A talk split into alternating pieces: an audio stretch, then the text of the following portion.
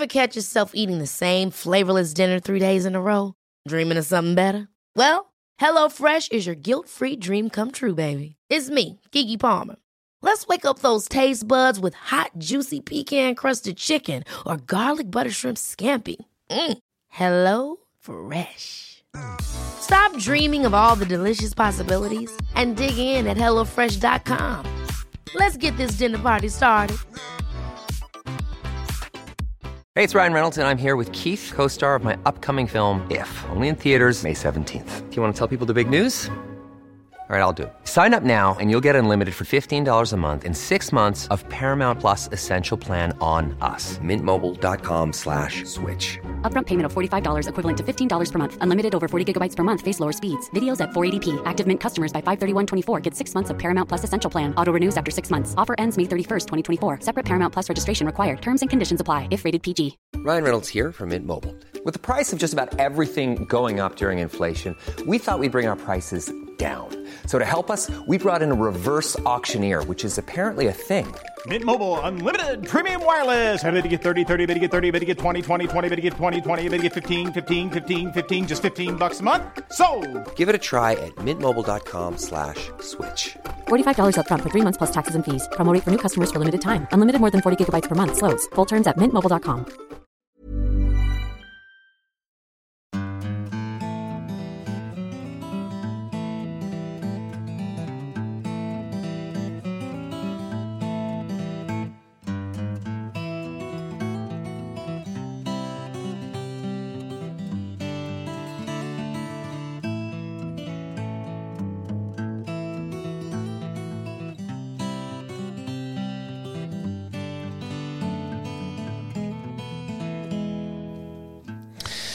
Hjertelig velkommen til en ny episode av Hall og knall-podden. Eh, I dag, som forrige uke, direkte fra det profesjonelle studioet her i eh, Hva det heter det? Strømfjord... Strømfjordeie. Strømfjordeie, ja. ja.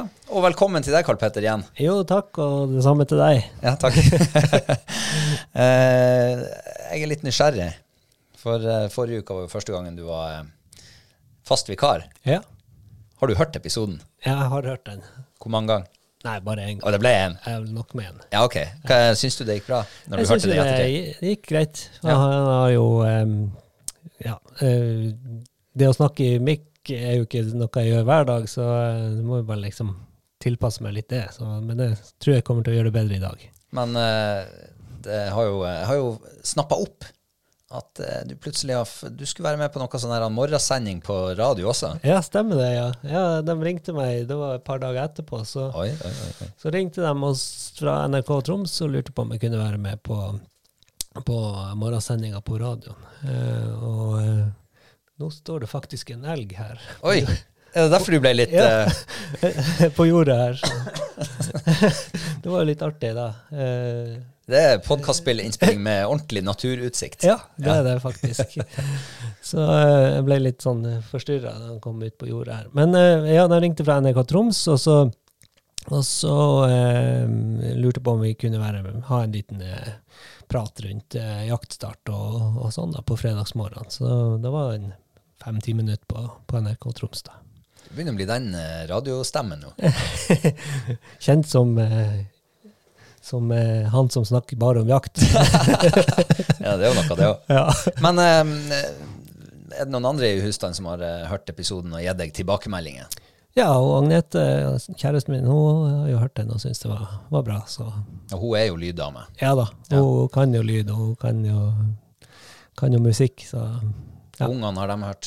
ja, de har hørt dem også. Så Var de stolte av far sin? Ja, de blir vel aldri stolte. Nei, det var ikke han kleinefaren som satt der.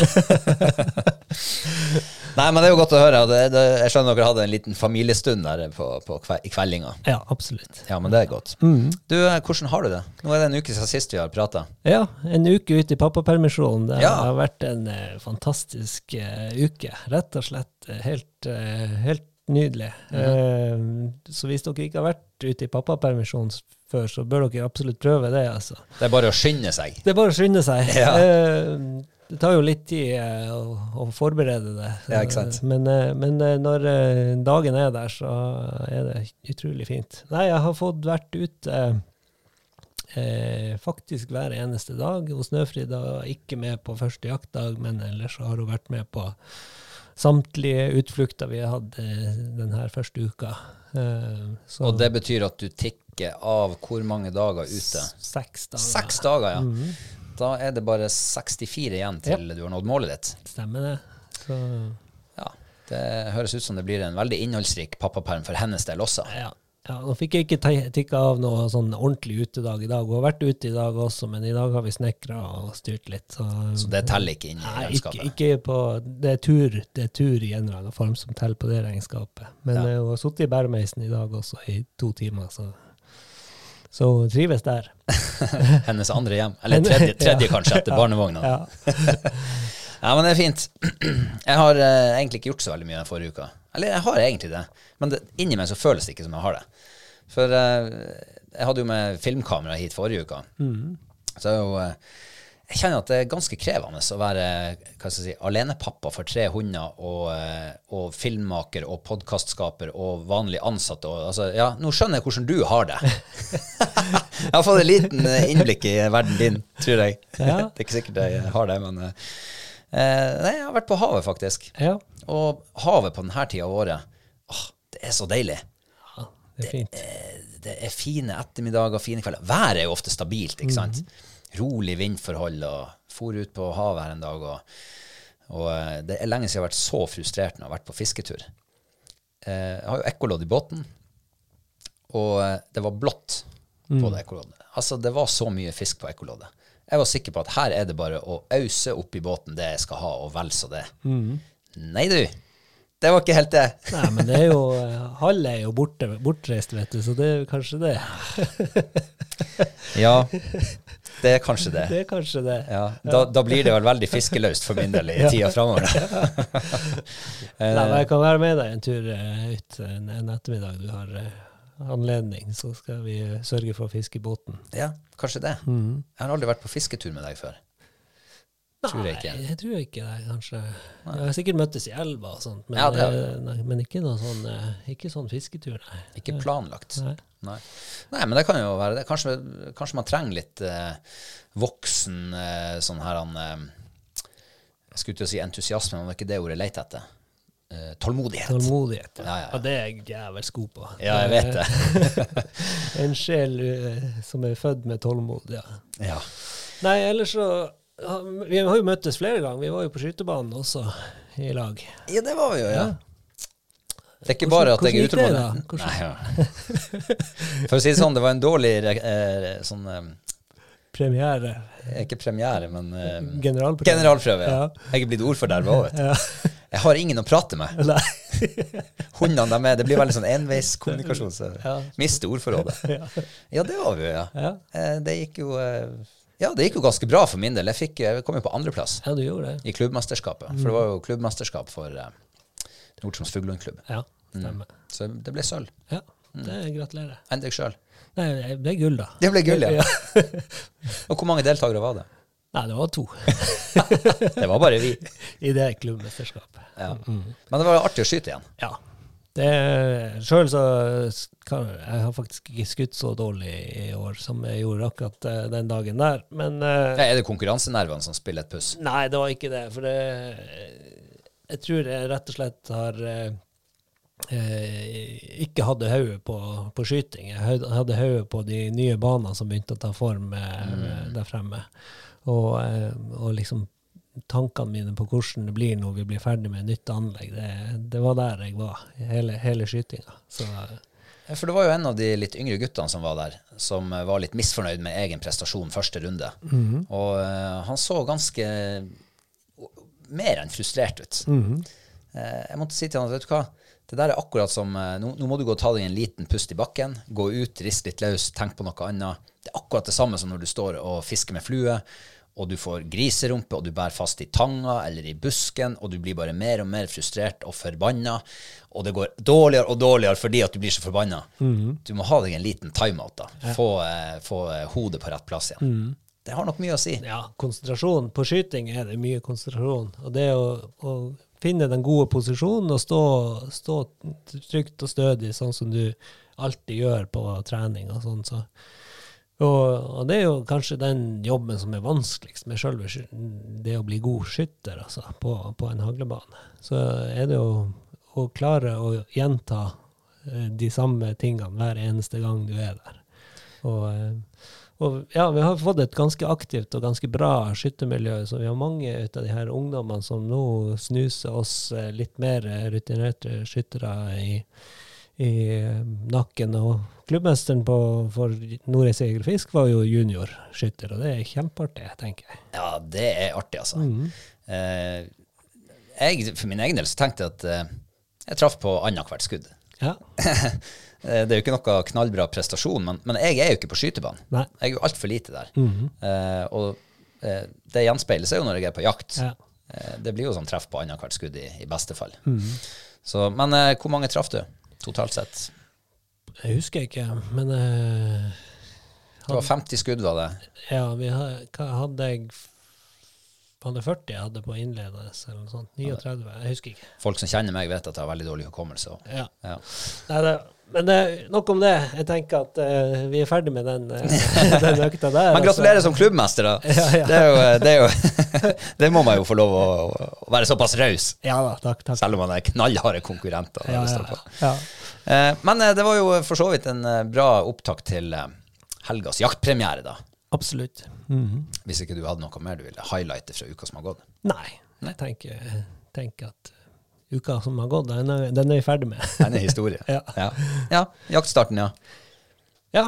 Eh, store forventninger og store forhåpninger om at det skulle bli eh, et eh, veldig bra en veldig bra sesong, og, eh, og eh, ja Dro tidlig av gårde. Nå slapp jeg eh, på lørdagen på jaktpremieren å ta med oss Snøfrid. Eh, det var flere familiære forhold som gjorde at eh, hun hadde lyst til å være hjemme sammen med mora istedenfor. Og da ble det jo singeltur alene til fjells, som jeg trives veldig godt med. da. Og eh, dro av gårde tidlig om morgenen. Det er jo sånn som når vi jakter her i Reisadalen, så er det jo en eh, god times klatring eh, noen høy, hundre høydemeter før man er oppe i rypeterrenget. Da. Eh, så man blir jo god og varm før man eh, kommer seg opp. ja. Og fantastisk vær var det. Det var eh, sol og nesten ikke vind. Og det var egentlig veldig, veldig, veldig fint. Det var flotte forhold for jakt, altså. Ja, det var det. Eh, En liten bris var det, sånn at det var vind for hundene å jobbe på. sånn. Og gikk jo ikke lange tida før man eh, fant det første kullet. Eh, etter man hadde kommet opp i rypeterrenget og fikk et stort kull på vingene der, og, og felte ei rype der. og og eh, ja, gikk litt videre der og eh, fant et fjellrypekull eh, som hundene hadde stand på, og fikk felt en fugl der også. Så, men, du, Fjellrype og hunder, det er det mange som ikke har trua på. ja, Eh, hvordan- hva er din erfaring med det? Vi, vi har snakka om det mange ganger før i, i, i podkasten, men Ja. eh, ja, nei, jeg, eh, jeg jakter mye med fjellrype med hundene. Altså, og, eh, men gjerne i kombinasjon med at jeg først går på lirypa, og så, og så altså tar høyde. tar jeg høyde, ja, rett og slett for å liksom, ja, være innom og se hvordan status er der. Og spesielt nå tidlig på sesongen, så, så er det ikke noe problem å, for hundene å takle fjellrypa. Etter hvert som, eh, som de blir erfaren, så takler de også vanskeligere fjellryper som springer på bakken og sånn. da. Eh, Jeg hadde jo en eh, kjempefin situasjon på søndagen på, på, på springende fjellrype, der hun sto 300 meter ute, og når jeg kom opp, så så, så snur hun seg bare, og så, og så tenker jeg OK, nå har rypa sprunget, da. Og da setter hun i fart etter rypa og springer ja, i hvert fall 200 meter av gårde i en vanvittig fart med lavt hode og bare følger på, beite, eller på foten, da. Og eh, klarer å spikre rypa, eh, som jeg da så sprang foran hunden. Og jeg får sprunget i posisjon, og vi får skutt den rypa. Så en, en erfaren og litt tøff hund, så er det ikke noe problem noe problem med en springende, springende fjellrype. Nei, ellers så ble det Ja, den lørdagen da kunne jeg gått hjem klokka ti, for da var Etter det så var det fugletomt, rett og slett. Å ja, sier du det? Ja, det var eh, helt eh, det var ikke, Da kom jeg inn egentlig i det beste delen av terrenget, men, eh, men fuglen var ikke hjemme da, i hvert fall. Hadde noen markeringer og sånt, men eh, det var veldig lite eh, tegn til at det hadde vært noe særlig fugl der. Ja. Så enn du? ja, nei, eh, jeg hadde jo besøk av eh, vår gode venn Daniel. Ja. Eh, vi hadde jo for øvrig plan om å, om å spille inn en podkastepisode alle tre. ja. Men det ble jo jeg, jeg så jo tegninga tidlig utpå formiddagen i går at vi kommer ikke til å være nede i, i høvelig tid til at vi skal rekke det. Men nei, vi, vi hadde jo kontakt med en, en ganske lokal kjentmann som, som hadde vært og gått en del i fjellet de, de, de siste ja, uken. Og han hadde sett mye fugl, og store kull, og ja, det var liksom veldig, veldig positivt. Eh, så når han kunne fortelle det, så går jo mine forventninger rett i taket. Her skulle vi virkelig opp og kose oss, og hundene skulle få kose seg, og det skulle være godt med fugl, og, og alt lå til rette for en kanonbra dag. Og vi hadde for så vidt litt fugl eh, til å begynne med på dagen, men eh, det var også fram til sånn godt utpå formiddagen. Og så var det slutt. Eh, og da gikk vi jo langt innover i fantastisk terreng, og veldig sånn variabelt terreng mellom myrdrag og litt sm- små vann, og eh, litt ned i skogkanten, og altså de fjellene her oppe er jo veldig sånn her du, Noen plasser finner du sånn etasjedelte fjell, og andre plasser får du sånne, eh, sånne hakk i fjellet som snor seg oppover med, som er litt fuktig, og det er litt kratt i dem. Og, eh, så, men det var altså helt kjemisk renska. Eh, og det var, når vi liksom passerte et punkt, en sånn en bekk som kommer ned fra langt opp i fjellet, der eh, etter det så var det nesten ikke markeringer heller. Så og markeringer hadde vi mye av til å begynne med, og hvor vi også fant eh, en del fugler. Eh, men eh, det var ikke de store kullene som, som eh, var spådd og meldt om i, i, tidligere. Nei. Så um, jeg tror nok vi hadde en um, Vi, vi havna vel på rundt 15 fugler på vingen, vingene den dagen. Eh, men um, det var litt mindre enn det vi hadde håpa og sett for oss. Ja. Så vi fikk, eh, vi fikk nå heldigvis eh, felt noen fugler for de hundene. Vi hadde tre fugler til sammen med oss hjem. Og det er jo eh, bonus nok, det. Jo da. Det, det er greit, men det, men det er jo litt derfor vi er der, ikke sant? Det er Ja, jo da, vi er jo ute, ute for å, både for å, å, å jakte og, og få noen fugler i sekken, men også, også det å være på tur med kompiser eller alene da, og Mm. se på hundene og, og gjør, få dem til å gjøre jobben. Og, og jeg er utrolig fornøyd med hundene og den jobben som de gjorde. Altså, for de jobba virkelig for, eh, for meg gjennom hele dagen. og De var dødslitne når vi kom ned på, på lørdagskvelden. De har jo ikke all verdens treningsgrunnlag. Nei, så, så, og man fikk jo hva jeg så på klokka, det hadde gått 38 000 skritt den dagen. Så det, Ja. så det begynner å bli noen, noen kilometer i, i beina. Ja. Men så eh, dagen, søndagen så hadde jo eh, Du, jeg må bare skyte inn en, en, en liten ting før du, før du går videre. For det du nevner med hundene eh, Jeg lurer noen gang på om hundene tenker Hva i all verden er det vi gjør her oppe? Hvor er den fuglen vi er her for å finne? Det er liksom det som er min jobb, kjære eier. Hvorfor er vi her? Her skjer jo ingenting. Tror du det de tenker det, eller er de bare De, de skal bare finne den samme hvor den er hen? Nei, jeg, jeg tror ikke det. Jeg, jeg, tror det er sånn, ja. Sånn, eh, men det, det som jeg eh, Hvis jeg får ta en liten historie Ja, vær så god. Kjør på. Eh, I 2005 så var jeg guide oppe i Kautokeino. Eh, Ja, for der er du lokalkjent. Der er jeg også lokalkjent. og så hadde jeg en, eh, en eh, advokat i sørfra som, som var med på den eh, turen, da. Og så, og så eh, hadde vi hadde Den første dagen så hadde han ikke klart å skyte rype. Det var masse, masse fugl. Han som jeg gikk med første dagen, han hadde jo skutt masse fugl for, for mine hunder, og, og var superfornøyd, rett og slett. Så han her eh, som jeg skulle gå på med dag to, da, han hadde bedt liksom, han der som leda hele turen, da, om at han ville gå med mine hunder, fordi at eh, han kompisen hadde fått så mange Ja. dagen før. Så vi dro ut om morgenen og til lunsj hadde hatt 23 stander på, på, på hunder. Oi, oi, oi, oi. Og han hadde skutt dobbeltskudd hver gang, og ikke ei rype datt. Nei. Stakkars mann. Og, så, og, og da så jeg på hunden og sa herregud, hva er det, hvem er det du har tatt med deg, liksom? Hva er det du har funnet til meg? Hva er det du har funnet til meg? Så, så, eh, så jeg sa til han at neste gang eh, så neste gang hunden har stand, så skal vi eh, stå lenge der og se om vi klarer å finne ei rype på bakken. Så du får skutt ei rype for hunden, for nå fortjener hunden at det skytes ei rype. og ja, ja, det var nå greit. Vi skulle, ja, og eh, neste gang hunden hadde stand, så sto vi sikkert en tre-fire minutter og bare venta, og så om vi så noe bevegelse i lyngen og sånn. Og der ser jeg jo ei rype som sitter på bakken. Så ja, da får han skutt den, og du skulle sett han jubla. Det var altså lykkerus i Ja. luks, da. Og så eh, litt seinere på, på dagen så tar altså eh, hunden min eh, to ryper i reisen. Så jeg ga de der to rypene til han også, og sa at eh, du kan jo si at du har fått dem også. Det kan du skryte av rundt leirbålet Ja, i kan du skryte av rundt leirbålet i kveld. Så han var jo overlykkelig, da. Så når vi kom tilbake, så hadde vi tre ryper, og han hadde skutt én, og bikkja hadde tatt to. Så Det er nesten som jeg tror at hun tok eh, saken i egne hender ja, ja. Så det var litt sånn der eh, Altså det at, at hund en hund som jeg i hvert fall er erfaren og vant til å jakte med, og, og at det liksom skal dette eh, fugl med jevne og ujevne mellomrom, den viste helt tydelig beskjed om at, eh, at her, var, her, er noe galt. Ja. ja. Men nå eh, datt det jo litt ut av det vi snakka om, egentlig. Ja, jeg vet ikke hvor vi var. Nei. Nei. Eh, Det var vel søndagen vi skulle begynne på. Ja, det kan godt være det. Ja.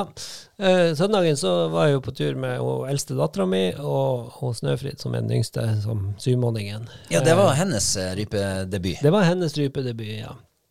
Og eh, det var kjempeartig. Det var, vi hadde ikke noe stress med å komme oss tidlig ut om morgenen, men eh, vi kom oss ut i terrenget, og, og det var utrolig artig. Hun, nå, hun sitter nå bak i meisen der og koser seg, og sovna nå etter hvert, da, etter vi hadde hatt litt lunsj og sånn. Og så der smeller jo hunden i stand etter hvert. og da hadde hun på med hørselvern, ned med meisen på med hørselvern, og så går vi opp i situasjonen, og så, og så eh, feller vi to fugler der. Og så, eh, og så tenkte jeg hun måtte jo våkne av det smellet, liksom. Ah, ja, for hun lå ennå i, hun var i Hun var i drømmeverden da vi liksom gikk opp i situasjonen. Nei da, hun sover som en stein, vet du. Det, For en unge, altså. Det er, det er talentet der. det er talent. Gode gener har i- Ja, Ja. Hun kosa seg virkelig. Så nei, det ble en veldig fin tur, det også. Og det er artig å kunne liksom både ha med hun eldstedattera og yngstedattera på, på en sånn tur, og at de får være med og dele den opplevelsen. Mm. Eh, ja da, det, det der er jo liksom Det der er jo egentlig solskinnshistorie rett ut ifra eh, eventyrboka, liksom.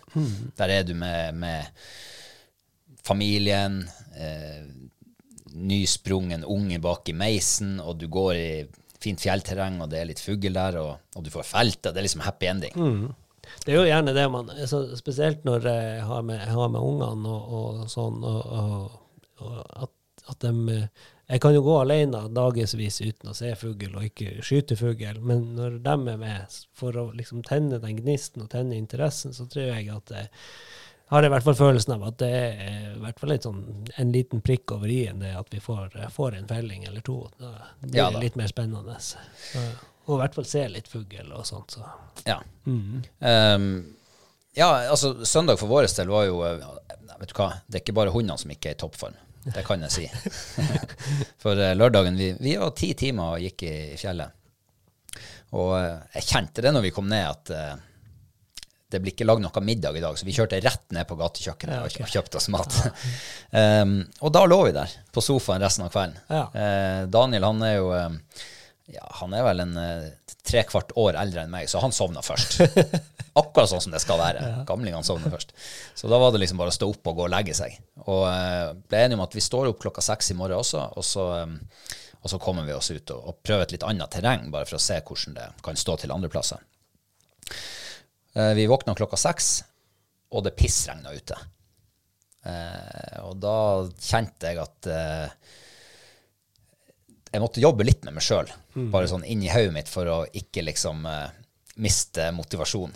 For det, altså, det rant ned fra himmelen. Og uh, gamlingen sto opp og kom ut og keik ut vinduet, og jeg så at det sank litt i- inni han òg. og så, eh, så satt vi og spiste frokost og drakk kaffe, og jeg sa til han at det, Er det stress nå, eller? Nei, sånn, det er ikke noe stress sånn sett. Jeg ser jo at hunden er sliten, og ja, så det, det, altså, Han nevnte faktisk ordet avlysning òg. Okay, Ja, da måtte jeg si til han at eh, nå, eh, nå, nå går det for langt. Du, du er godt kjent med de her værskillene opp gjennom dalen. så eh, vi ble enige om at vi hiver oss i bilen, og så kjører vi. Og vi hadde ikke kjørt så langt, så var altså veien tørr. Ja. Og eh, det meldte jo litt, eh, litt sånn regnete ut gjennom dagen. Men det ble altså en fabelaktig dag i fjellet. du verden, altså. Det var, været var mye bedre enn forventa, og eh, jeg må si at våre hunder de er nok ganske godt trent. Eh, du verden hvor de sto på. Han Reborn Jeg har aldri sett han så god eh, over så lang tid som nå. Hele tida i Sverige når vi var der, var han fantastisk. Og de her to dagene har vært eh, Altså, jeg- ble så overraska. Og over at han også holdt ute. Var, altså, vi så ikke rype på søndag. Vi gikk i åtte timer antagelig før, før han Reborn festa en stand. Da var vi egentlig på, langt på hjemveien. Eh, og kom eh, opp i situasjonen, og eh, han så ut som det her var ganske sikkert, at her er det fugl. Og han gikk på, og nei, skjønte ikke bæra. Hvor er fuglen? Han var sikker på, altså han, du, du, du ser på hunden at det er liksom sånn, hæ, hæ, hva, hva skjer, hva skjer? Sånn var han. Og rota rundt i det der krattet, og, og liksom, det kom ikke fugl. Så jeg eh, tok han inn, og så sendte han eh, på igjen. og eh, Han drog videre oppover. Vi var jo på turné. Nei, Han skulle oppover, og det gikk ikke lang tid, så var det stand. Og der var kullet. Ja. Og det var et eh, kull på en ja, seks, syv, syv, åtte fugler, noe sånt. Eh, ja, jeg var like god å skyte da som på, på skytebanen, skal jeg si det sånn. Det ble to bomskudd. Men jeg så jo at han slo seg ned rett på oversida. Og det så for så vidt ut også som at jeg hadde altså at jeg hadde i hvert fall et streifskudd på den ene. Så jeg sendte han ut i, i søkeapport. Eh, og han søkte kjempegodt oppover der, og, og så så jeg han fikk ferten av en fugl, eller av fugl. Og da gikk han på og liksom skulle apportere den. Men da flaug jo hele kullet en gang til. Og da tenkte jeg at eh, det er ikke sikkert at det var jeg som skjøt i det fjærene og går. Altså, de, dem, kan de slippe Ja, fjærene de idet de går? ja, ja, det for. For det var to sånne her dunfjær ifra, liksom, så det ut som. Eh, så da måtte jeg ta han inn. Og da så jeg igjen at det så ut som jeg slo seg ned litt lenger der oppe. Tok han inn eh, og liksom prøvde å få avslutta den der eh, søkeapporten. Eh, og sendte han ut igjen.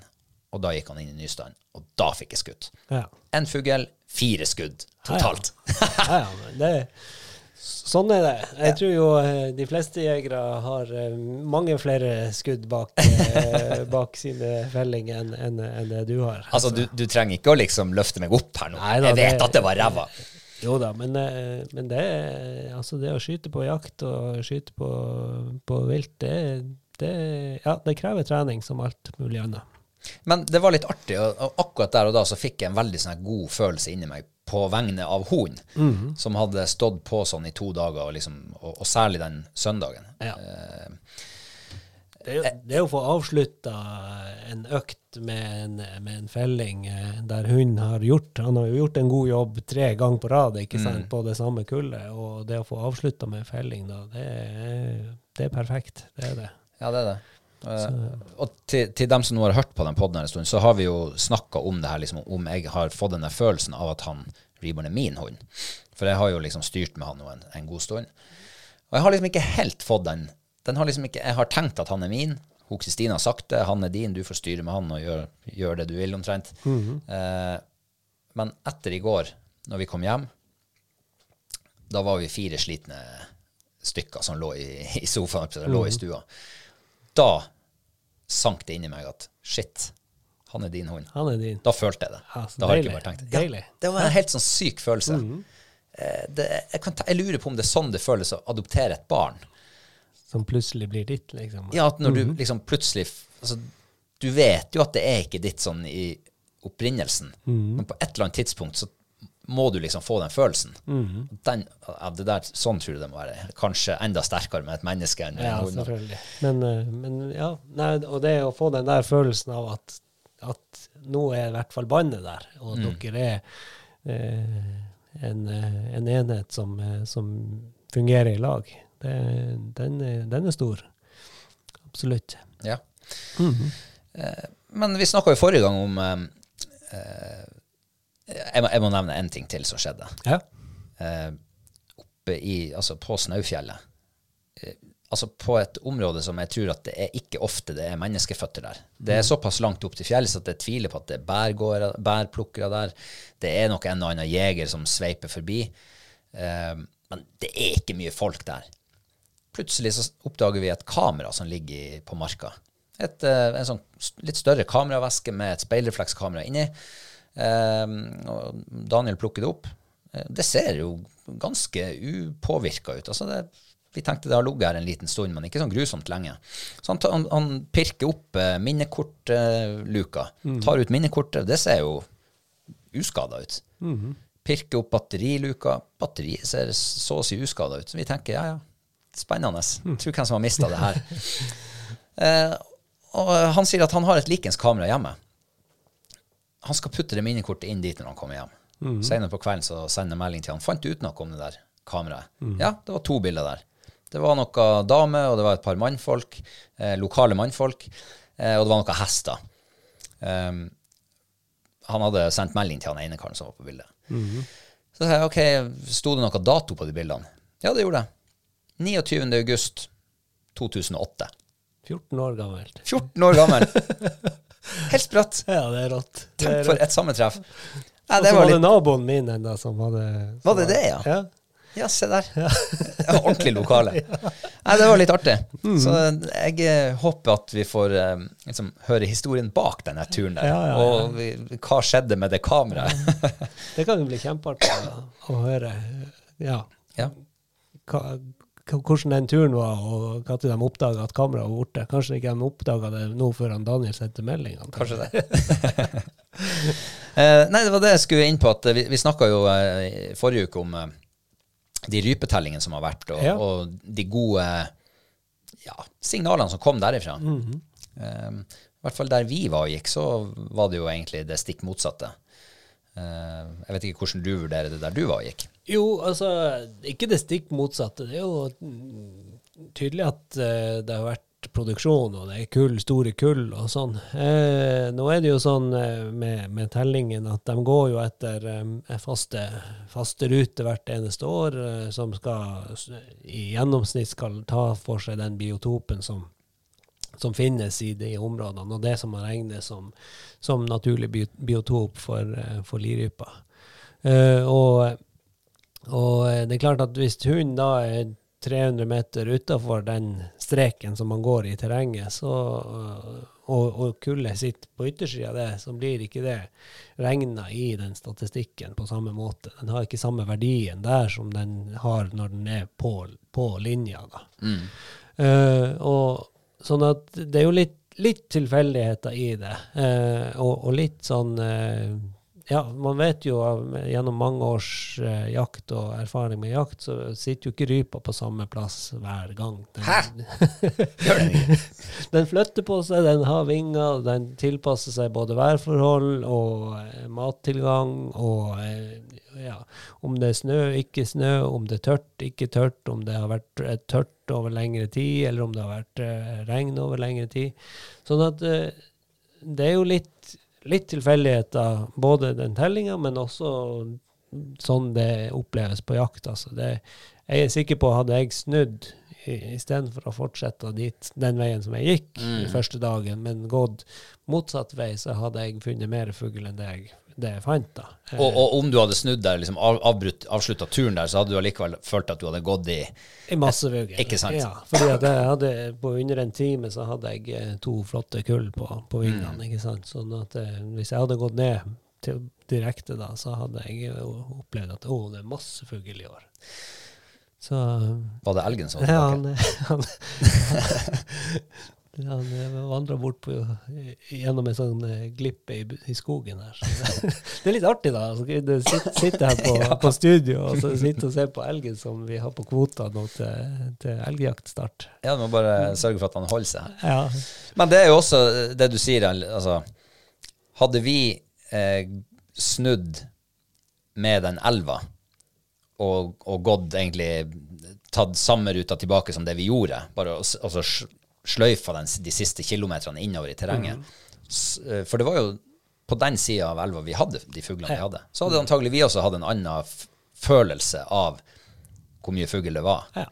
Eh, for da hadde vi sett de 15 fuglene på fem timer, kanskje, Ja. i stedet for de 15 fuglene på ti timer. Så, men det, det er jo egentlig bare den tellinga, og for så vidt òg når du er og går, så det er jo bare et øyeblikksbilde av Av situasjonen. situasjonen akkurat der og da. Ja, absolutt. Og, og det er jo litt sånn eh, eh, Ja, siden rypa har vinger og, og flytter seg etter værforholdene, og er det mye vind, så finner du den ikke nødvendigvis på de mest vindfulle stedene. Da søker den jo gjerne litt ly og, og områder som, som det er mindre vind, og de har fremdeles god mattilgang og god oversikt og, og sånt. Så. Mm. Så, men det som jeg syns var interessant, egentlig, som jeg, eh, som jeg eh, Det er mange år siden her i reisa i hvert fall at jeg har opplevd, det at det var ganske mye rovfugl. Så fjellvåk, tre, tre fjellvåker på samme tur. og Jeg ser i lufta samtidig. Mm. Eh, jeg så bra med smågnagere. Eh, og, eh, og så også mye vei etter, eh, etter mus og sånn. Sånn at det, det tegn, tegn i tiden på at uh, vi er på tur inn med en økt smågnagerbestand, som, som er en stor fordel for, for rypa. Da. Og det at rovfuglen er på vingene og, og er i området, er også et tegn på at, uh, at eh, ja, det, mattilgangen er bra. Og de har lyktes å få frem eh, kullene, dem også. Men det virker jo som den smågnagerbestanden ikke altså Før var det jo du hadde lemenår hvert fjerde år, stort sett. Eh, det er bra mange år siden jeg har sett lemenår. Eh, og det er faktisk ganske lenge siden jeg har sett sånne her, eh, altså, veldig mye smågnagere. Eh, er, det, er de der lementoppene og de smågnagerårene som vi nesten kunne telle på, på, på klokka før, er de blitt mindre?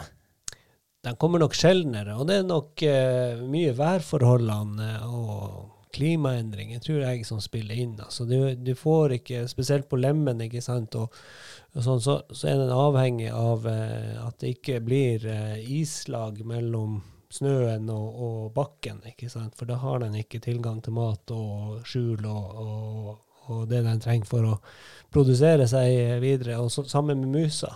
Eh, det krever litt stabile vintre uten for mye nedbør og uten for mye i, i form av regn, i hvert fall. Og det er ikke ofte nordpå at vi har det lenger. Eh, nå er det stort sett hver eneste vinter så, så har vi regnværsperioder, også inn på vidda, på, som, som, som gjør at du får ishinne på, på vegetasjonen. Og da er, det dårligere forhold for, for smågnagerne. Eh, eh, og så Sist vi hadde lemenår, så var det jo et vanvittig lemenår. Altså, det var jo også det var, det var jo lemen overalt. Altså, det var jo sånn at det, det var sendt ut farevarsel på, E- på E6-en. Du husker det? Nei, det husker jeg Husker du ikke det? Det var fare, farevarsel på E6-en flere plasser pga. at veibanen var blitt glatt pga. påkjørt lemen. ikke sant? Å ja, sånn, ja. Ja. Steak, ja. Så, så det, var en, det var enorme mengder med lemen. Og, og, og når den da kollapsa, så kollapsa den fullstendig. ikke sant? Det, så, men nå, nå ser det ut Nå er det ikke lemmene, jeg ser ikke lemmene, men jeg ser mus. Mm. Og, og mus er, bra. Er du optimistisk? Ja, alltid. Jeg har alltid vært optimistisk, Ja, også så i godt. dårlige år. Vet du. Eh, altså, jeg må si at um, det var faktisk godt å sitte og prate om denne helga.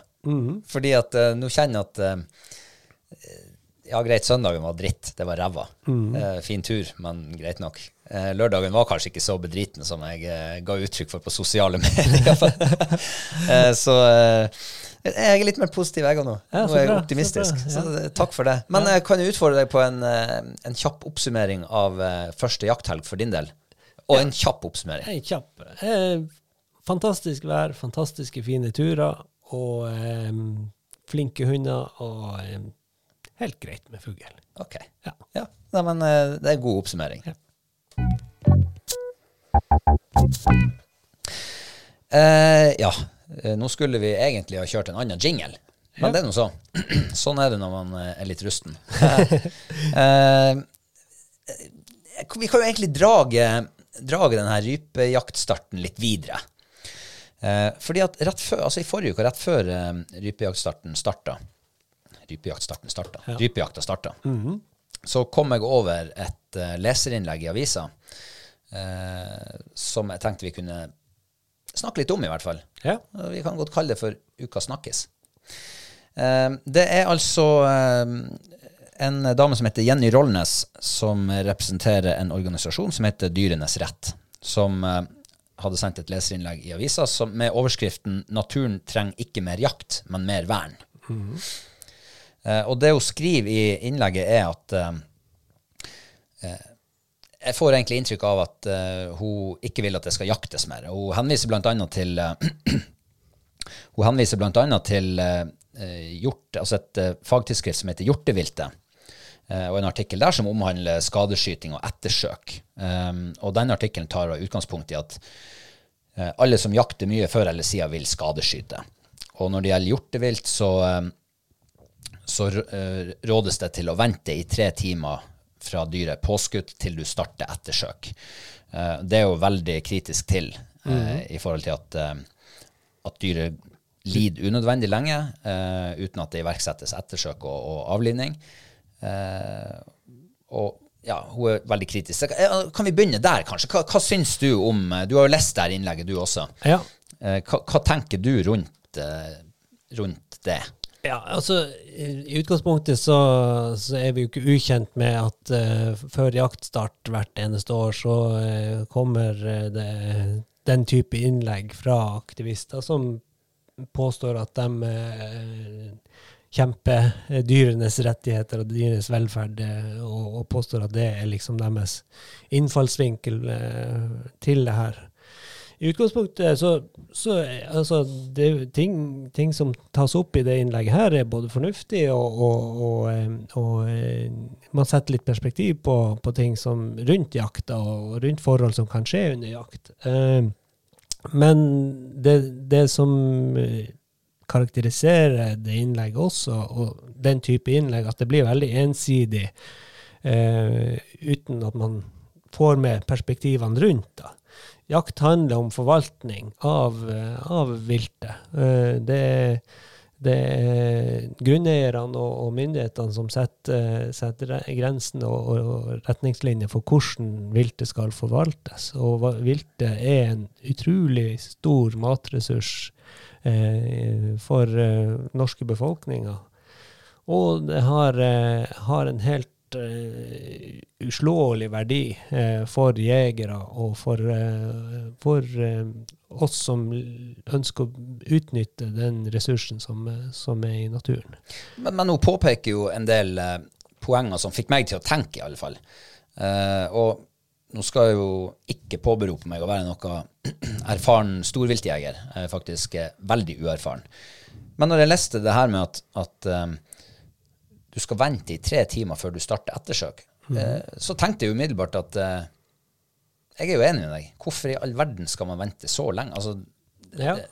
Og det er jo eh, direktoratet som har satt i retningslinjer for hvordan man skal eh, drive ettersøk etter hjortevilt. Og, og, og det, blant annet så er det jo krav om at det skal, hvert eneste jaktlag skal ha tilgang til en ettersøkshund eh, under storviltjakt. Eh, eh, og nettopp for at man skal kunne eh, eh, ettersøke påskutt vilt. da.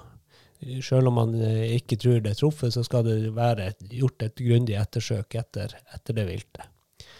Og, og så er reglene satt ut ifra at sjansen for å lykkes med et ettersøk er større ved å, å kunne vente eh, inntil tre timer da, før man starter ettersøket. Fordi at hvis det er et, eh, et vilt som er påskutt eh, og truffet, eh, eh, hvis man starter ettersøket direkte, så vil eh, man kunne jage det lengre av gårde, og sjansen for at man lykkes med ettersøket blir, vil bli mindre, fordi at det da drives frem av adrenalin, og, og sjøl en, en elg som har fått avskutt en fot, f.eks., vil kunne bevege seg mange, mange mil eh, med avskutt fot eh, pga. adrenalin og, og, sånt. da. Men hvis man eh, gir det ro til å, å legge seg ned i sårleie, så, så vil, eh, vil, man kunne eh, både lokalisere viltet mye kjappere, og man vil kunne Sjansen for da å lykkes med ettersøket mye større. Så det, de reglene er satt ut ifra fra hvordan man best mulig skal kunne kunne lykkes med et ettersøk etter påskutt vilt. Og er nå viltet ikke truffet, så, så, spiller det jo ingen rolle om det er gått eh, tre timer, eller om det er gått eh, 20 minutter. Men, mm. men, eh, men pga. at uh, sjansen for at uh, man skal lykkes når det er et påskutt vilt som er truffet, så, så, er sjansen betydelig større hvis man venter. Ok. Ja, ja det, det, er jo det, det visste jeg, for jeg kjente ikke til det. Nei. men det høres jo, eh, det høres jo fornuftig ut. Ja. Og, og, samtidig så må man jo eh, på en måte eh, anerkjenne den lidelsen dyret har da, hvis det er truffet og skadeskutt. Selvfølgelig. Så, Men, så, så, så, er det en, en, lidelse som det dyret eh, har. Og, og, og, men sjansen for at man skal kunne gjøre slutt på den lidelsen, er betydelig større med å med å vente en stund før man uh, starter ettersøket. Mm. Ja. Uh, ja, men, men altså, takk for den oppklaringa, for da er det jo basert på, på noe kunnskap her. ikke sant? Ja. Uh, og, og, det er jo greit å vite, ja. ha, ha, i bakhodet. Mm -hmm. hun, hun, punkterer jo også, eller setter, setter, fokus på det her med Særlig på det med fuglejakt. Mm. Og ikke bare rypejakt, men gåsejakt og og, og, ofte så opptrer jo ja, rypen opptrer i kull, og gåsen kommer i flokker, enden sitter i kull. Eh, og, det med å skyte midt inni en flokk, eh, med fare for å, å treffe flere, da. Du, ja. du, kanskje du avliver den du sikter på, men kanskje den to-tre andre fugler som får kule i seg. Og, og, ja. eh, og, og den eh, der er, går det jo litt på etikk og moral hos, eh, hos jegerne. Og, og, eh, som jeg nevnte i forrige podkast, så, så, er jo den norske jegeropplæringa kanskje en av en, verdens beste jegeropplæringer. Der, der, man har stort fokus på etikk og moral, og hvordan man skal, hvordan man skal eh, i størst mulig grad klare å unngå skadeskyting av både fugler og, dyr, også, og hjortevilt og, og andre, andre, altså vilt som man skyter på. Mm. Både gjennom eh, f.eks. Man skyter ikke på, på, eh, eh, på en rein, eh, villrein som står eh, i fronten av en flokk. Man velger alltid eh, et dyr som er ute i utkanten og, og, og sånn sett, fordi at man man kan få gjennomskyting, og da kan man også skadeskyte da dyr som er bak, hvis man skyter. Mm. Eh, ja, skyter midt i flokken, ikke sant. Eh, samme, på, samme på fuglejakt og, og sånn, så, så, prøver man å plukke ut, eh, ut de, dyr, de fuglene eller de eh, individene som er i utkanten av flokken, for å unngå å skadeskyte eh, flere, flere fugler i ett og samme skudd. da. Og, og, akkurat det du sier der, det er jo fort gjort å, altså, at det går en kule varmt i hodet. Sånn, når det kommer en flokk imot deg, og du ja. har sittet og ventet lenge, og så mm -hmm. hopper du opp og så fyrer du av et skudd midt inni det. Det er jo fort gjort. Det er fort gjort, men uh, jeg tror det Altså min erfaring i hvert fall er at det er færreste jegere som, som gjør det, fordi at man, man er opptatt av dyre, dyrevelferden. Ingen ønsker å skadeskyte. Ingen ønsker å, å påføre vilt unødig lidelse. Eh, det var som ja, på, på, søndagen, nei, på lørdagen når jeg var på jakt, så, så, eh, så satt jeg hadde en pause, så, så eh, kommer ei kråke flygende og setter seg i buska eh, 30 meter unna. Så jeg tenkte ja, fjellkråke det liker jeg jo ikke, fordi at den er jo en eggrøver uten like. Så mm. den tar jeg. Så jeg ladde hagla og, og skjøt den, og den tok til vingene med en gang. Jeg sendte hunden på liksom med en gang, for jeg begynte å gå med en gang. Og gikk eh, ja, 100 meter, kanskje. Så får jeg standvarsel på, på hunden. Og går opp, og det jeg nærmer meg, så stormer hun bare frem, og så oppkommer det ingenting. Men hun bare står med nesen ned i lyngen der. tenkte jeg, ja, det er den kråka der som jeg skjøt på. Mm. Og går bort. Ja, der ligger kråka. Men hun ville ikke ta i den. Oh, ja. jeg har ikke trent på krokkapport. så så hun, bare, hun bare dytta nesen borti og viste meg her, her er den. Ja. Ta den sjøl, liksom. Men da var den død. Da var den død. Ja. Så, så det var godt treff. Det var, ikke, det var ikke det. Det var bare at den fikk litt luft under vingene, og så, og så kom seg et stykke av gårde. da. Har du smakt kråke noen gang? Nei, jeg har ikke det. Men du hadde sjansen nå. Jeg hadde sjansen. Det var ei ungkråke, men eh, jeg, jeg, jeg sendte bilde til dem hjemme. Altså, sa nei, vi skal ikke ha kråke til middag. Det så- Jeg har heller aldri smakt kråke. Men jeg hører de sier det er godt, så lenge du vet at, ikke, at du ikke vet at det er kråke. ja, ja. Men eh, tilbake til eh, Dyrenes rett og Jenny Rollnes. Ja. Um, hun er ganske kritisk til at uh, jakt i samfunnet er et sånt uh, satsingsområde, som hun kaller det for. Eh, og at eh, annet gjennomføres introjakt, som skal lokke flere til å være med på jakt, og, og det brukes eh, masse penger på å opp, liksom, eh, øke interessen for jakt i barnehage- og skolealder.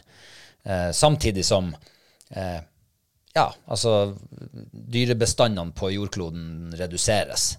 Eh, sakte, men sikkert. Eller ganske fort, hva vet jeg.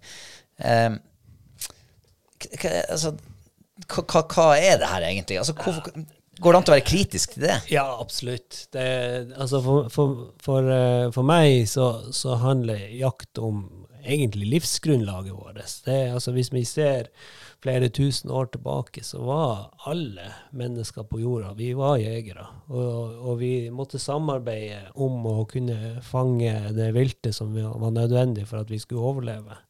Så etter hvert så lærte vi oss å dyrke jorda og ble bønder og sånn, og ble mer egoister egentlig enn det vi var når vi var jegere. Eh, sånn at behovet for, for å samarbeide og sånn, det forsvant jo litt med, med det. Men, men samtidig så, så er det jo ikke alle, men mange har jo beholdt det her jaktgenet og jaktinstinktet og det sankinstinktet. eh, Og, og, og det er jo en utrolig viktig eh, tradisjon og en eh, viktig måte og, og, Noe som er viktig å ta vare på videre. Det er å liksom eh, kunne høste av naturens overskudd. For det er jo det vi gjør. Det er jo, alt viltet vi som er jaktbart, er jo forvalta av norske myndigheter for at vi skal ha en høstbar bestand.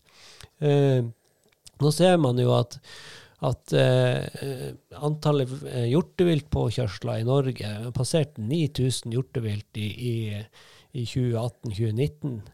Eh, og det er en betydelig andel som er påkjørt av bil eller tog. Eh, og, og, og, eh, og i de områdene som er mest utsatt, så prøver man jo å, å heller kunne utnytte den ressursen eh, gjennom jakt, med å tillate jakt, og kanskje også i enkeltområder ta ned bestanden noe for å kunne unngå de lidelsene som er med påkjørsler. Eh, Jeg kan jo si at i, eh, Du henviste til jaktåret 2019-2020, var det?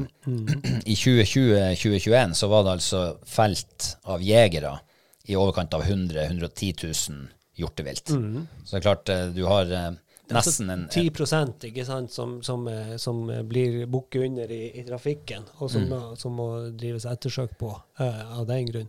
Og det er det som er registrert. Og så vet man jo kanskje med i forhold til tog spesielt, da, så er det, er, er det kanskje enda større tall der som man ikke helt har, har oversikt over, rett og slett. Uh, og, og, og det er klart at den jakta, det, som vi bedriver gjennom jakt, det kan jo være med på å, å redusere antallet viltpåkjørsler, blant annet. Og det kan jo medføre store materielle skader på biler, men også på altså Folk eh, har jo omkommet av, av å kjøre på en elg, ikke sant. Sånn at hvis jakta kan være med på å begrense eh, den type skader, så, er, så har det både samfunnsøkonomisk og, og, eh, og en, en, en naturøkonomisk eh, fornuftig verdi, altså. Og, og, man, man eh, jakta er, er regulert eh, og forvalta av norske myndigheter for at vi skal kunne ha eh, høstbare bestander av hjortevilt og, småvilt. Eh, og, det Norge har kanskje et av de beste regimene også på den forvaltninga. For det, man, har eh, årlige tellinger på hvordan bestandene er, og man har god kontroll på den utviklinga som, som eh, skjer i forhold til bestanden. Um, hun, hun syns heller ikke noe at uh, hun, hun syns ikke vi trenger de glorifiserende bildene av jegere som hoverer over døde dyr. Mhm. Men vi trenger mer respekt for medskapningene som vi deler jorda med. Mm. Trenger vi bilder av uh, jegere med døde dyr og fugler på uh, Instagram og Facebook? Nei, vi, eh, altså, vi trenger ikke det. Før Instagram og Facebook så, så var, den, eh, var den beste jegeren det var den som skjøt de fleste rypene og de fleste elgene, de største elgene. Og, sånn. og, da, var Og, det og da ble det myten som gikk. Ja, da ble det myten som gikk, og det var det som, som, eh, som man i lokalsamfunnet har, Og han er en dyktig jeger, eller hun er en dyktig jeger. Altså. Eh, mens i dag så, så, så er kanskje den dyktigste jegeren den som, som ikke nødvendigvis viser alle bildene sine, og, og, og, eh, og eh, egentlig eh, ja, holde litt for seg sjøl. Men, men samtidig så, så handler det Jakta handler om en opplevelse. Den opplevelsen har man lyst til å dele med, med sin omgangskrets. Og i dag er det lettere å dele den opplevelsen gjennom sosiale medier enn det var for 10-15 år siden. Eh, og og eh, for, for alle som altså Når du går i butikken og kjøper kjøtt, eh, om du kjøper viltkjøtt i butikken, så, så, så er det jo et vilt som har levd fritt i naturen, og har levd på den beste måten som kan leve frem til det ble skutt og havna på, på kjøledisken på kjøtt, kjøttbutikken. ikke sant? Sånn at eh, for, for oss som er jegere, så er det natu naturlig. Og, og og den ressursen som eh, viltkjøtt utgjør, den er uvurderlig, altså. Så, så jeg både håper at mine barn og deres barn og alle generasjoner fremover skal få kunne utnytte viltet og viltressursene som finnes i den norske naturen.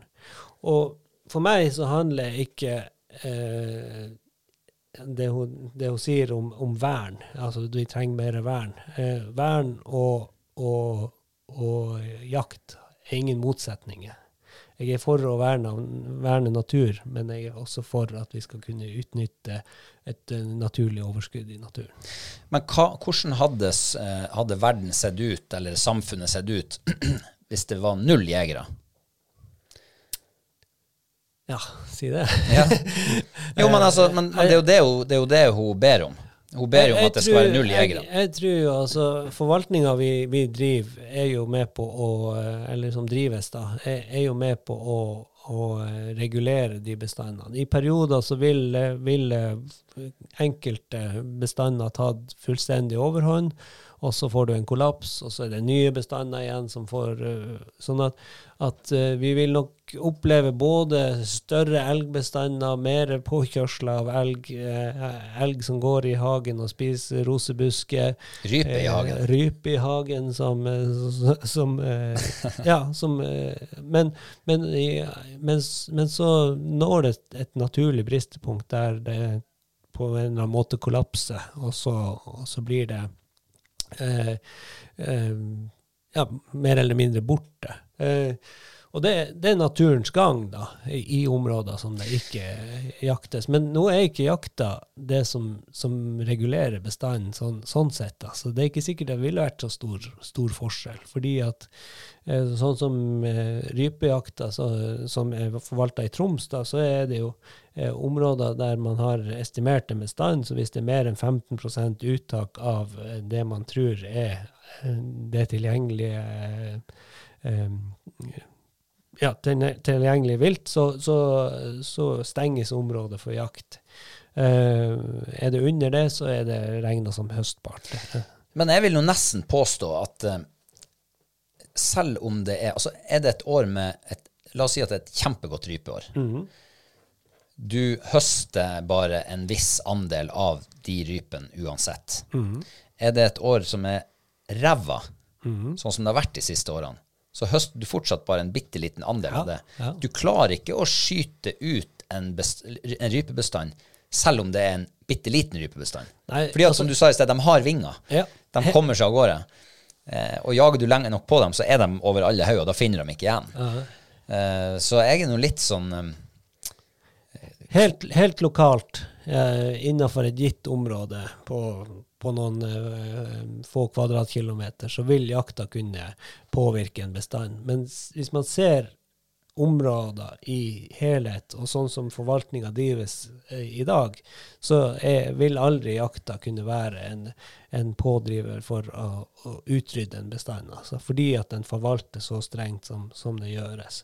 Og, og eh, gjennomsnittsjegeren i dag, han skyter vel ikke rype? Nei, han blir kanskje- statistikk. Ja, han blir statistikk. Eller da. Ja. Ja. -hmm. Men, men jeg sitter og tenker på det her. Eh, vi, vi har jo snakka om det, og det her handler jo om noe mer enn dyrevelferd. Eh, og som du, som du sier, det er ingen av oss som vil skadeskyte. Nei. Men det her handler jo om kulturen vår. Det handler om å ta vare på og vite hvor kommer maten fra. Sant? det her har vi gjort i 10 000 år. Ja. Vi har flytta etter isen der reinen slo seg ned, og når reinen flytta på seg, så flytta vi etter. Fordi at det var mat. eh, og det- ville jo vært et fattigere samfunn Ja. hvis det var 140 000-50 000 jegere som ikke skulle ut på jakt. Ja. 25. september eller 10. september eller 21. august. Tenk hvor fattig det hadde vært. Ja. Også, Tenk hvis vi ikke hadde gått de 60 000 skrittene vi har gått i helga. Ja, Og vi hadde ikke gjort det noen helger framover. den helsegevinsten og den eh, som er i i forhold til, til eh, de jegerne som er ute, eh, og ikke bare jegere, men fiskere også, Mm. altså den, den verdien det har for dem En ting er den fysiske akkurat der og da, eh, gevinsten du har, men, men så er det jo gjennom hele året. Det å ha noe å glede seg til, det å ha noe å se frem til, det å, å fære på skytebanen og trene med hagla eller med rifla, og, og, og for å, nettopp fordi at man ønsker å, å, å ikke skadeskyte, eh, eller, eller eh, ja, bli en dyktig jeger. Altså, opplevelsen skal bli bedre. Opplevelsen skal Totalt bli bedre. Det, og den, den, sånn som for min del, så er jeg, jeg er fulltidsjeger sånn sett, fordi at jeg er på skytebanen om sommeren, og så, så jakter jeg eh, på, ut på høsten, og så trener jeg eh, hundene gjennom vinteren, og så er jeg tilbake igjen på sommeren, da er jeg på skytebanen igjen. For, så jeg, på en måte så er jeg en fulltidsjeger, I hvert fall helårsjeger. ja, he, helårsjeger. Ja. Ja. det er kanskje mer riktig. Akkurat nå er jeg fulltidsjeger. Ja, det er det jo faktisk. så, så, så, så den opp, og den gevinsten det har gjennom, gjennom eh, eh, for, for meg, altså både sånn fysisk, eh, den fysiske fordelen har, men også i, altså det mentale med at jeg har noe å glede meg til, noe å strekke meg mot, noe å trene på, for å bli litt bedre og litt bedre og litt bedre. Eh, den, den er uvurderlig, og den, den, og den, sånn tror jeg det er for de 140 000 andre jegerne også. Men tenk på eh, Tenk på den mentale gevinsten. Tenk på det, altså. Når, når vi eh, tar hagla på ryggen eller fiskestanga i handa, labber til fjells, går en hel dag, er borte kanskje en hel helg, dekninga er vi langt utafor. Eh, vi ligger der og suger til oss naturopplevelser. Tømmer hjernen for alt som finnes av stress og onde tanker og alt mulig annet.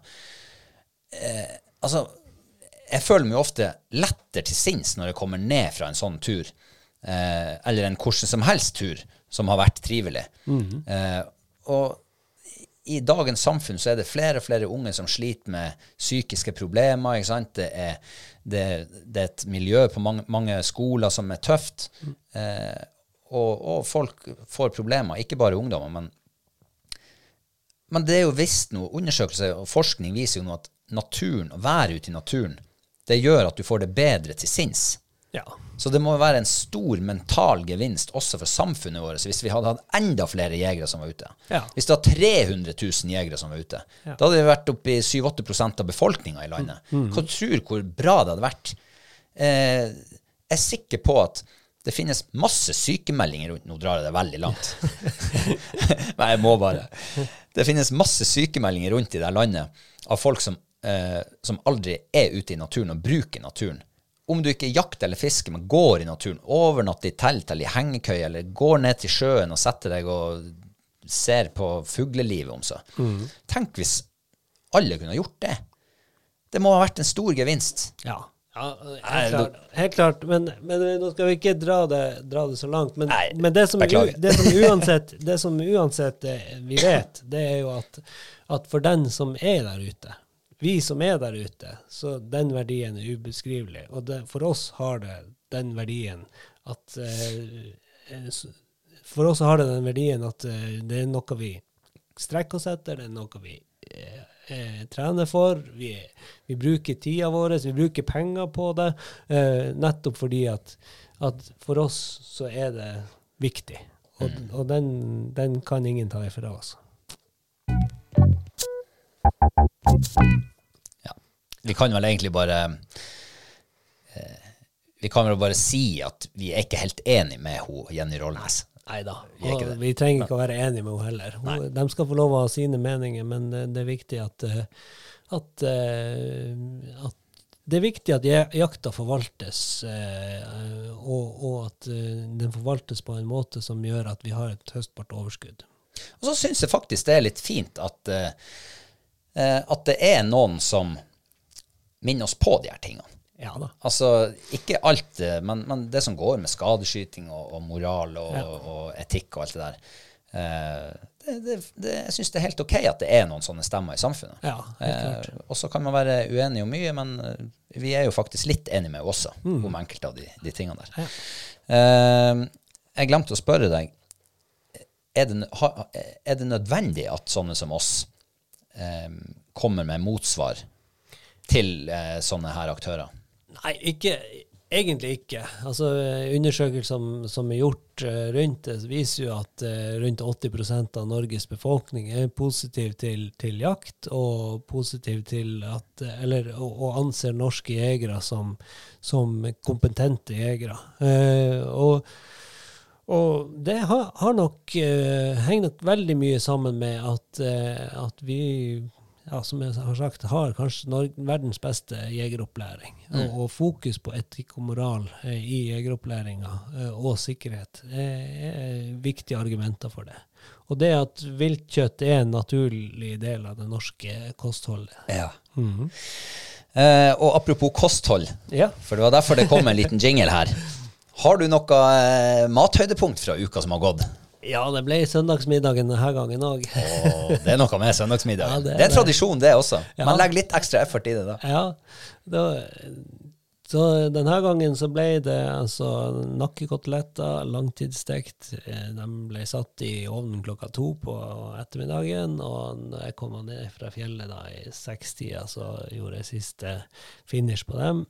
Da ble det med fløtepotet, eh, bearnéssaus, riktignok Toro. Jeg orka ikke den hele fullpakke. Hvorfor var det vanskelig med den bearnéssausen? Det er veldig vanskelig å lage. Skjønner jeg godt. Og så eh, var det blomkål og brokkoli til. Så, og eh, ja, det var, ja, det var veldig godt. Terningkast. Nei, det ble en firer. Ja, ja, men fire, det, det, det er god mat, det òg. Ja, ja, fire, fire er absolutt spisende. Når man begynner å bikke ned mot tre på tre, Ja. da er man litt misfornøyd. Da, da skulle man ønske at det var bedre. Enn du? Eh, ja, altså Jeg er jo fortsatt alene, da. Ja. Men eh, som sagt så har jeg hatt besøk i helga, og eh, jeg tenkte at eh, nå er det lenge siden jeg har sett, eh, sett kompisen. Så eh, jeg frista han med fårikål på fredagskvelden. ja. Han var riktignok ikke sulten, men han åt nå to tallerkener. Så, okay. og det var faktisk veldig godt. Ja. Eh, det er noe med den der fårikålen, altså. Mhm. Og eh, vanligvis så blir det gjerne for lite kål når jeg lager fårikål. Mm. Men eh, nå hadde jeg mye kål oppi. Så jeg har spist fårikål eh, tre av fire de fire siste dagene. Ja, så, ja. så, Og de sier jo at fårikålen er best den syvende gangen du varmer den. Okay. Jeg, jeg, jeg er- er mer på dag to, da er den litt bedre. Å ja, ja, ja, ja. Så dag to, det var i går. Da hadde jeg stått på verandaen i to døgn og godgjort seg. Så det var, ja, det var mitt mathøydepunkt. Ja. Uh, vi begynner å nærme oss slutten, men uh, før det så må vi jo ta en uh, bitte liten oppsummering på, eh, Patron-konkurransen. Patron-gjettekonkurransen. Nå er jeg spent, altså. Ja, for vi, eh, vi hadde jo han Andreas Hansen forrige, forrige uke. Eh, Hvor du gjetta at han var fra Andøya, eh, og jeg gjetta at han var fra Tromsø. Ja. Vi har fått fasiten. Ja. Du gjetta for øvrig òg at han var elektriker og eh, det, Småviltjakt og revjeger. Ikke sant. eh, jeg mente vel at han kunne være fluefisker eh, og rypejeger, kanskje. Ja, det var Fluefisker var det, og så hadde han hemmelig vann ute på Kvaløya med en privat eiendom. Så. Ja, sånn var det. Ja, sånn var det. Eh, jeg kan jo begynne med å si at han er fluefisker. Ok. Ja. det okay. Mm. Så, så, så der er jeg inne på noe. Ja. Men hvor han er fra? Er du spent nå? ja. Han er fra Harstad. Harstad, ja. Men han bor ikke der nå, da. Han bor sørpå. Ok. Men um, Var han elektriker? han, var, han var ikke elektriker. Nei, det, det var han ikke. Um, og jeg lovde for øvrig òg å overbringe til deg at han syns du gjorde en veldig god jobb. Ja, takk. takk, Så takk. det var hyggelig, det. Um, men uh, er det poeng av det, da? Han eh, havner Altså, fluefisker er jo et halvt poeng. Det, Mm. men, men det er jo ganske langt fra Harstad til, til Tromsdalen, som du endte på. Ja, det var det, ja. Mm. Så, og så syns jeg Harstad, Andøya, det er altså hvis du, hvis du Det er to ytterpunkter på hver sin øy. Ja, men hvis du tenker på vinter-NM, så, så, Ja. så arrangeres det av Harstad Vesterålen Fugleklubb, og det er ute på Andøya. Nå argumenterer du godt. Nå argumenterer du godt. så et halvt poeng til oss hver, tenker jeg, er jo innafor. uh, ja Um, Kanskje vi må si at det blir et halvt poeng på hver, da. Ja. Uh, og da noterer jeg et halvt mot et halvt. Og det er da stillinga for øyeblikket. Ja. Før vi går i, dag, i gang med dagens ja, vi har en i dag òg. vi har en i dag, og det er han eh, Mareno Fjelle. Mareno Fjellet. Ja. Og eh, han har et profilbilde. Ja. Jeg elsker når folk har profilbilder, for da har vi liksom litt mer å knagge gjettinga på. eh, og han står altså med en eh, ganske voksen torsk. ja. Jeg, jeg skulle ikke si om bord i noe som ser ut som en båt, men det på noe som kan minne om en båt. OK. Mm. Eh, ikke en sånn liten sjark, det må være en litt, i så fall en litt større båt. Ja. Eh, du ser jo bildet her. Hva, hva, hva tenker du? Tja Nei, jeg, jeg tenkte kanskje sånn offshore. At han jobber offshore. Oi! At han, den fisken er tatt på en oljeplattform? Ja, Ikke nødvendigvis på en plattform, men at han eh, Supply-båt. Eller Ja. noe sånt. Ja. Nå nå syns jeg du tenker kreativt. Så, så det er liksom første, første tanken, da. Eh, tydeligvis glad i å fiske, da. Det, så fiskeinteressert, det vil jeg i hvert fall eh, påpeke. Ja. Og støtter den. Marinofjellet. Mareno. Marenofjellet. Mm. Det. Det er ikke like vanlig navn som Andreas Hansen. Nei, det er ikke det. Hva, Få høre resonnementet ditt. Ja, nå må jeg bare tenke litt først. Altså eh, Da vil jeg nok kanskje nedover mot Sogn, eh, Sognefjorden. Altså å, Vestland. Vestlandet, ja. Eh, Hva som får deg i den retninga?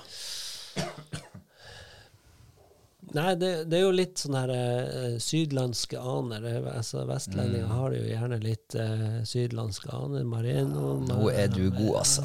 Eh, Så, så da vil jeg Ja Haugesund, faktisk. Haugesund, Jeg ja. havner på Haugesund. ja. Ja, det er jo i nærheten av Vestlandets oljehovedstad, i hvert fall. ja. Så er det, det Ja. Jeg havner på Haugesund. Du setter meg helt ut. Jeg, eh, når jeg så profilbildet, så, jeg, eh, så tenkte jeg med en gang ok, enten så er det her Møre og Romsdal en eller annen plass, altså ut kystnært, litt sånn type Ålesund eller eh, Hitra. Nei, Hitra er kanskje mer oppdrett, men, altså, men, men jeg havner liksom der nede.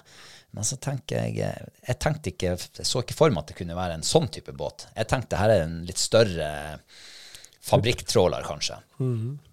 Og de er jo gjerne derifra. Men det er ikke sikkert han er derifra. Han kan jo like godt være fra Drammen. Absolutt. Um, men jeg, jeg tenkte liksom Finnmark Jeg, er veldig splitta her nå i, i hodet mitt. Finnmark eller Kanskje jeg skal, kanskje jeg skal jeg prate meg litt ned til Møre, altså. Kanskje jeg rett og slett skal si Ålesund. Eh, og uh, det var jo en kar fra Ålesund som var på eh, Big Brother første gangen. Han hadde jo òg et litt sånt eh, sydlandsk navn, hvis ikke jeg husker rett. Eh, feil. Ja. Jeg sier at han eh, Mareno er fra Ålesund. Og har vært med på Big Brother. Nei, han har ikke vært på Big Brother. okay. han, han, han, han jobber på en båt som er derifra, men de er sikkert oppe i Barentshavet og tråler. Okay. I nærheten av eh, Smutthavet. Smutthullet. Smutthullet, ja. Ja.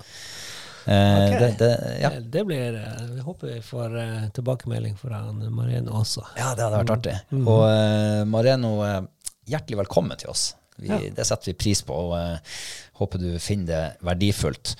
Uh, og da, Karl Petter, har du noen famous last words før vi um, runder av? Nei, jeg, for min del så ser jeg frem til nok en pappapermuke der jeg skal um, ut med Snøfrid og ut og jakte og få noen fine turer. Så ses vi neste mandag. Ja, det gjør vi. eh, jeg ser fram til, eller jeg vet ikke om jeg ser fram til engang, men det har en fryktelig hektisk arbeidsuke. Okay. Um, Du har ikke vurdert pappaperm, da? Eh, hvis jeg, eh, når jeg er ferdig med de her ukene med deg, så vurderer jeg det sikkert sterkt. Nei, så jeg er usikker på hvor mye tid det blir til andre ting, men i morgen så eh, Ja, jeg har bursdag i morgen. Ah, 42 år blir det da, tror jeg. Ja, 42. Så da skal jeg eh, til moderen og spise middag, og så skal jeg ut med et par av hundene og lufte dem i Tiurskogen. ja, så bra. Fram til neste gang, takk for at du har hørt på. Vi høres om en uke. Vi høres. Ha det. Ha det.